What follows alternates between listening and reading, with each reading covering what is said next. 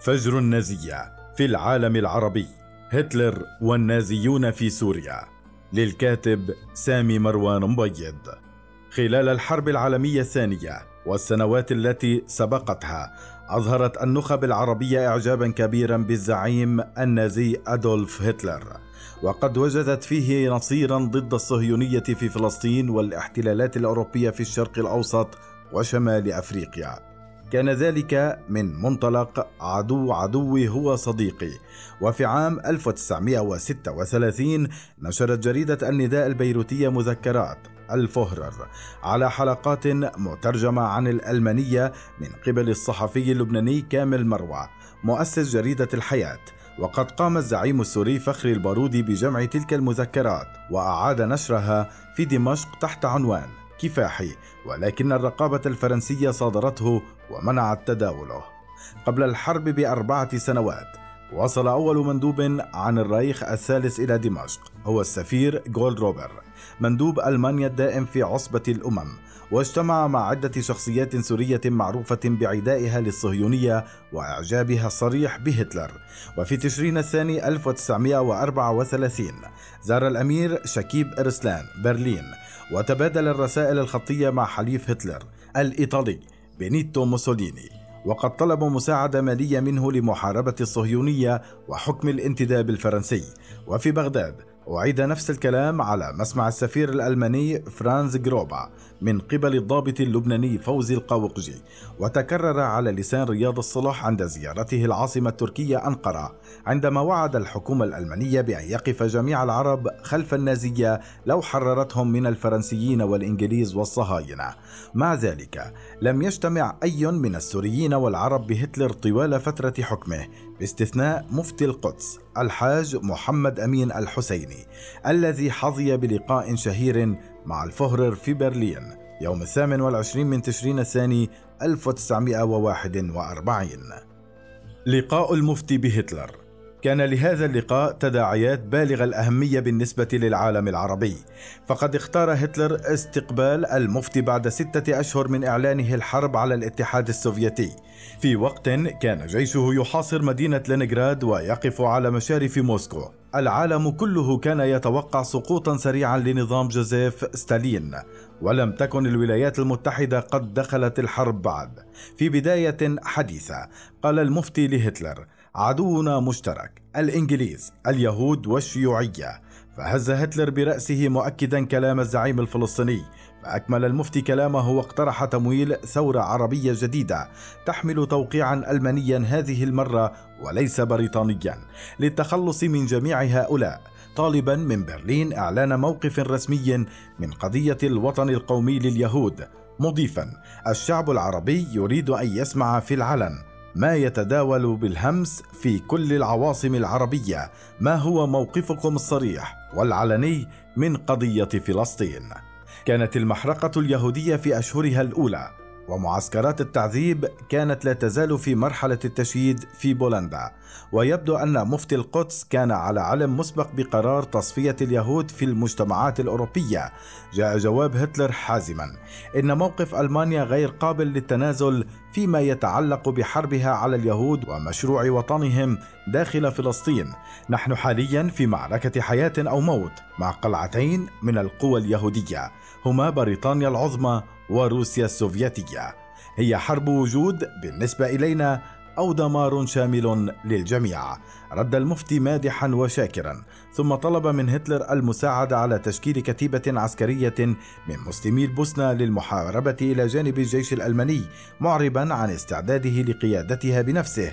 وطلب بتمويل ألمانيا للمجاهدين الفلسطينيين والعرب في حربهم على الصهيونية. أجاب هتلر سيحصل ذلك. ولكن بعد أن نصل إلى جنوب القوقاز وقتها ستنالون استقلالكم وبإمكانك أن تثق بكلامي.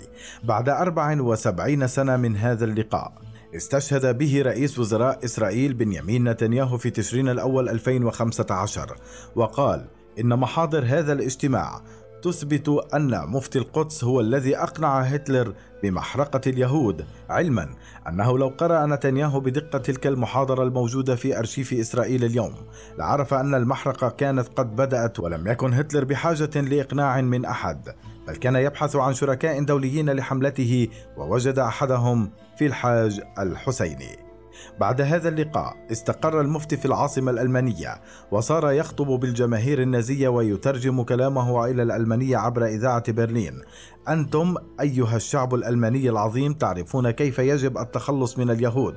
وأنتم أيها العرب قفوا وقفة رجل واحد ودافعوا عن حقوقكم. أدركت الحكومة الفرنسية أن معارضة العرب للحركة الصهيونية ستدفع ملايين الناس إلى الوقوف مع دول المحور. لا محبة بهتلر بل كرهها بالصهيونية وبالانتداب البريطاني في فلسطين والفرنسي في سوريا ولبنان. استقبلت دمشق خبر لقاء المفتي بهتلر وكأنه إنجاز عظيم لحركتهم الوطنية. ورفعت صور الحاج أمين في المنازل والأسواق والأماكن العامة ووصلت آلاف البرقيات من دمشق إلى برلين تبارك هذا اللقاء العظيم. فرضت حكومة الانتداب القوانين العرفية على جميع أنحاء البلاد السورية ومعها رقابة مشددة على الصحف وصارت دوريات الجيش الفرنسي تجول على مقاهي دمشق للتأكد على عدم تجمهر الناس للاستماع إلى إذاعة برلين التي بدأت تبث نشرات إخبارية كاملة باللغة العربية تصل مدتها إلى 95 دقيقة يومياً. أصبح الإشهار عن أي دعم أو إعجاب بهتلر جريمة يعاقب عليها القانون العسكري الفرنسي تجنبا للملاحقة والإعتقال. ابتكر الدمشقيون اسما حركيا لهتلر وصاروا يسمونه أبو رشيد وفي بيروت أطلق عليه اسم أبو سعيد.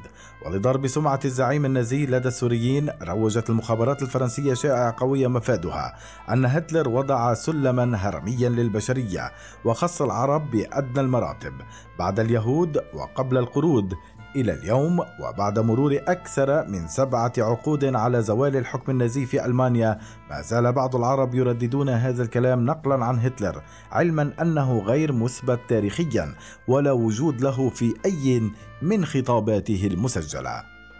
القمصان الحديدية. في كانون الأول 1937 وصل الضابط النازي الرفيع البارون بالدرون فون شيراخ إلى دمشق واجتمع طويلا مع سعيد فتاح الإمام رئيس جمعية متخرجي المعاهد والجامعات الألمانية في سوريا فطلب منه دعما عسكريا لتشكيل ميليشيات عربية لمحاربة الصهاينة في فلسطين وبعد أن أبدى فون شيراخ اهتماما شديدا بتنظيم شبه عسكري كان قد ظهر لفترة قصيرة في شوارع المدن السورية الكبرى وأطلق عليه اسم القمصان الحديدية. أسس فخر البارودي هذا التنظيم بالاشتراك مع الدكتور منير العجلاني في آذار 1936 ووصل عدد المنتسبين إليه قرابة 15 ألفا. معظمهم في دمشق وحلب. ولدت الفكرة لدى الدكتور منير العجلاني فور عودته من دراسة الحقوق في جامعة سوربون مطلع الثلاثينيات. بعد مشاهدته صعود شبيبة القمصان البنية التابعة لهتلر والقمصان السود الموالية لموسوليني في شوارع برلين وروما. في النسخة السورية من تلك التنظيمات ارتدى الفتيان ربطة عنق سوداء وقميصا حديدي اللون مع جزمات عسكرية وقبعات فيصلية تشبه تلك التي كان يرتديها الملك فيصل وضباطه خلال الثورة العربية الكبرى. وضع شباب القمصان على أذرعتهم اليمنى ربطة حمراء شبيهة بربطة رجال هتلر ولكن بدلا من الصليب المعكوف وضع عليها السوريين صورة يد تحمل شعلة من نور نظرا إلى كثرة التشابهات بين القمصان الحديدية والحزب النازي. قيل إن هذا التنظيم هو أحد أذرع هتلر في سوريا وقامت السلطات الفرنسية بحله ومصادرة جميع مكاتبه وممتلكاته. تجربة القمصان لم تكن يتيمة في المشرق العربي لكنها كانت الوحيدة في دمشق. في لبنان ظهر الحزب السوري القومي الاجتماعي لأنطون سعادة في مطلع الثلاثينيات وكان شديد التأثر بهتلر. تلته الكتائب اللبنانية للشيخ بيير جميل في تشرين الثاني 1936 والتي وصل عدد أفرادها بعد ثلاث سنوات من تأسيسها إلى 22 ألفا من المسيحيين الموارنة في بيروت وجبل لبنان في صيف العام ذاته. سافر الجميل. إلى ألمانيا لحضور دورة الألعاب الأولمبية في ميونخ وأعجب بالقدرة الهائلة على التنظيم لدى الحزب النازي وحاول تطبيقها في صفوف حزبه. في لبنان ظهر الحزب السوري القومي الاجتماعي لأنطون سعادي في مطلع الثلاثينيات وكان شديد التأثر بهتلر تلته الكتائب اللبنانية للشيخ بيير الجميل في تشرين الثاني 1936 تتالت زيارات النازية لدمشق. ووصل الهر والتر بيك. وفي حقيبته سبعون منحة لطلاب سوريين يرغبون في الدراسة في جامعة برلين أو أي جامعة ألمانية.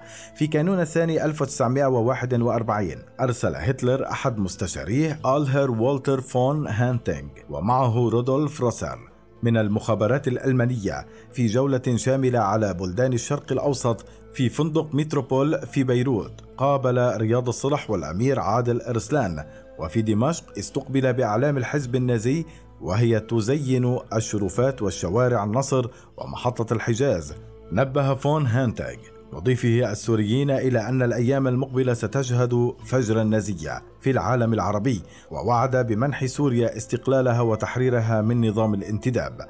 ولكن ليس قبل انتصار ألمانيا على الفرنسيين والإنجليز. وعد كذلك بتحرير فلسطين من الصهاينة وتدمير المشروع اليهودي كليا. وقال لهم إذا انتصرت فرنسا في الحرب العالمية فستعطي فلسطين لليهود وما بقي من شمال سوريا للأتراك. كما أعطتهم لواء إسكندرون قبل سنوات. السوريون وهتلر بعد الحرب. في نيسان 1945 انتحر الفوهرر بالسم قبل إلقاء القبض عليه منهيا حياته وحياة عشيقته إيفا براون. ومسدلا الستار على مسيرة إحدى أكثر الشخصيات العالمية إشكالية في القرن العشرين.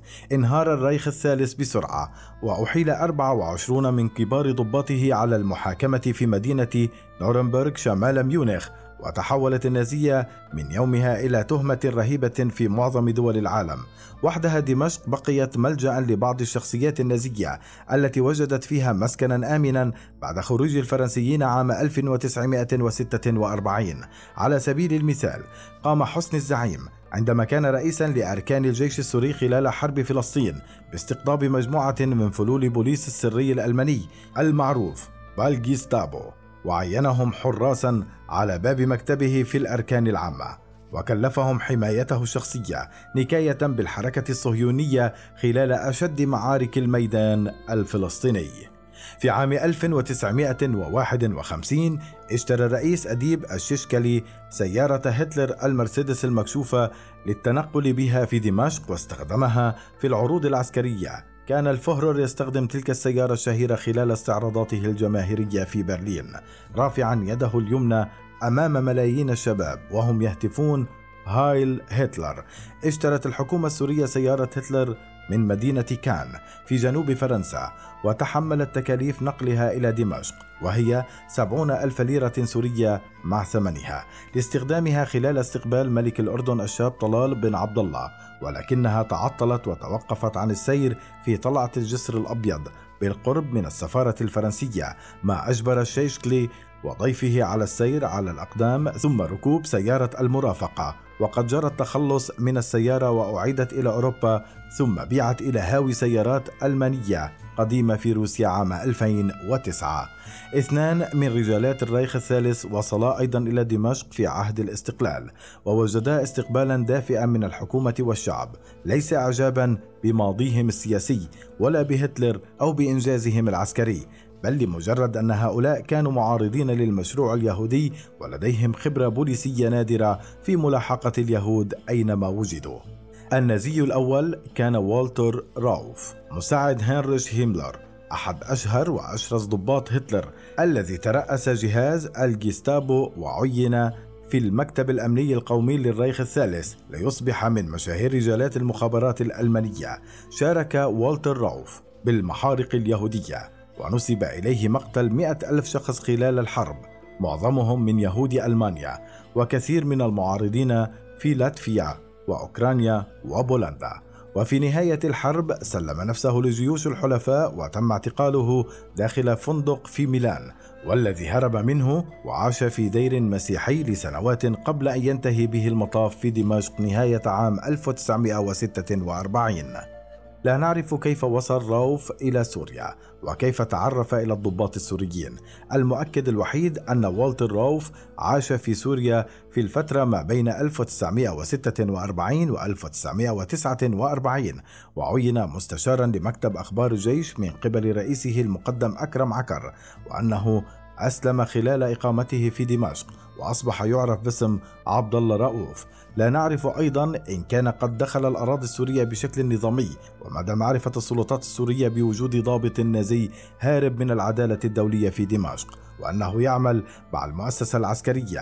طلب منه إعادة هيكلة جهاز الأمن السوري وعاش بعيدا عن عيون المجتمع في منزل متواضع في حي نوري باشا. أما الضابط الثاني فهو أليوس برونر. 1912 2010 مساعد أدولف إخمان الضابط الرفيع في القوات الخاصة الألمانية في زمن الحرب العالمية الثانية. كان برونر مسؤولا عن أحد أشهر معسكرات الاعتقال المكلفة تصفية اليهود خارج باريس ومثله مثل والتر راوف. كان متهما بجرائم حرب في كل من ألمانيا وفرنسا وبريطانيا والولايات المتحدة.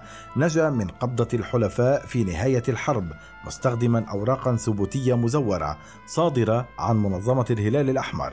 وذهب اولا إلى القاهرة بعد وصول جمال عبد الناصر إلى الحكم ثم إلى سوريا أيام الوحدة لتدريب الكلاب البوليسية التابعة لشعبة المخابرات العسكرية وتأهيلها. وكانت دعوته من مدير المكتب الثاني السابق وزير الداخلية في جمهورية الوحدة عبد الحميد السراج. عالميا وجهت إليه عدة تهم غيابية تصل عقوبة كل واحدة منها إلى الإعدام شنقا حتى الموت. منها ترحيل أكثر من أربعين ألفا من يهود النمسا إلى المعتقلات النازية وقرابة سبعين ألفا من سالونيكا اليونانية مع إرسال عدد من الأطفال اليهود إلى معسكر أوشفيتز الشهير في بولندا. وقع انقلاب الانفصال وهو في دمشق سنة 1961 وقطعت العلاقات مع مصر فلم يستطع برونر العودة إلى القاهرة فمنحته الحكومة السورية لجوءا سياسيا وكلف تدريب كوادر المكتب الثاني قبل إحالته إلى التقاعد في نهاية التسعينيات. عمل أستاذا للغة الألمانية في منازل الطلبة الدمشقيين ولكن باسم مستعار هو الدكتور جورج فيشر. عاش سنوات طويلة في منزل أنيق في حي الروضة بالقرب من رابطة المحاربين القدماء وتعرض لمحاولة اغتيال مرتين على يد جهاز الموساد الإسرائيلي بواسطة طرود بريدية ملغمة أرسلت إليه. كانت الأولى عام 1961 والثانية عام 1980 أودت إلى فقدانه إحدى عينيه. وكل أصابع يديه اليسرى.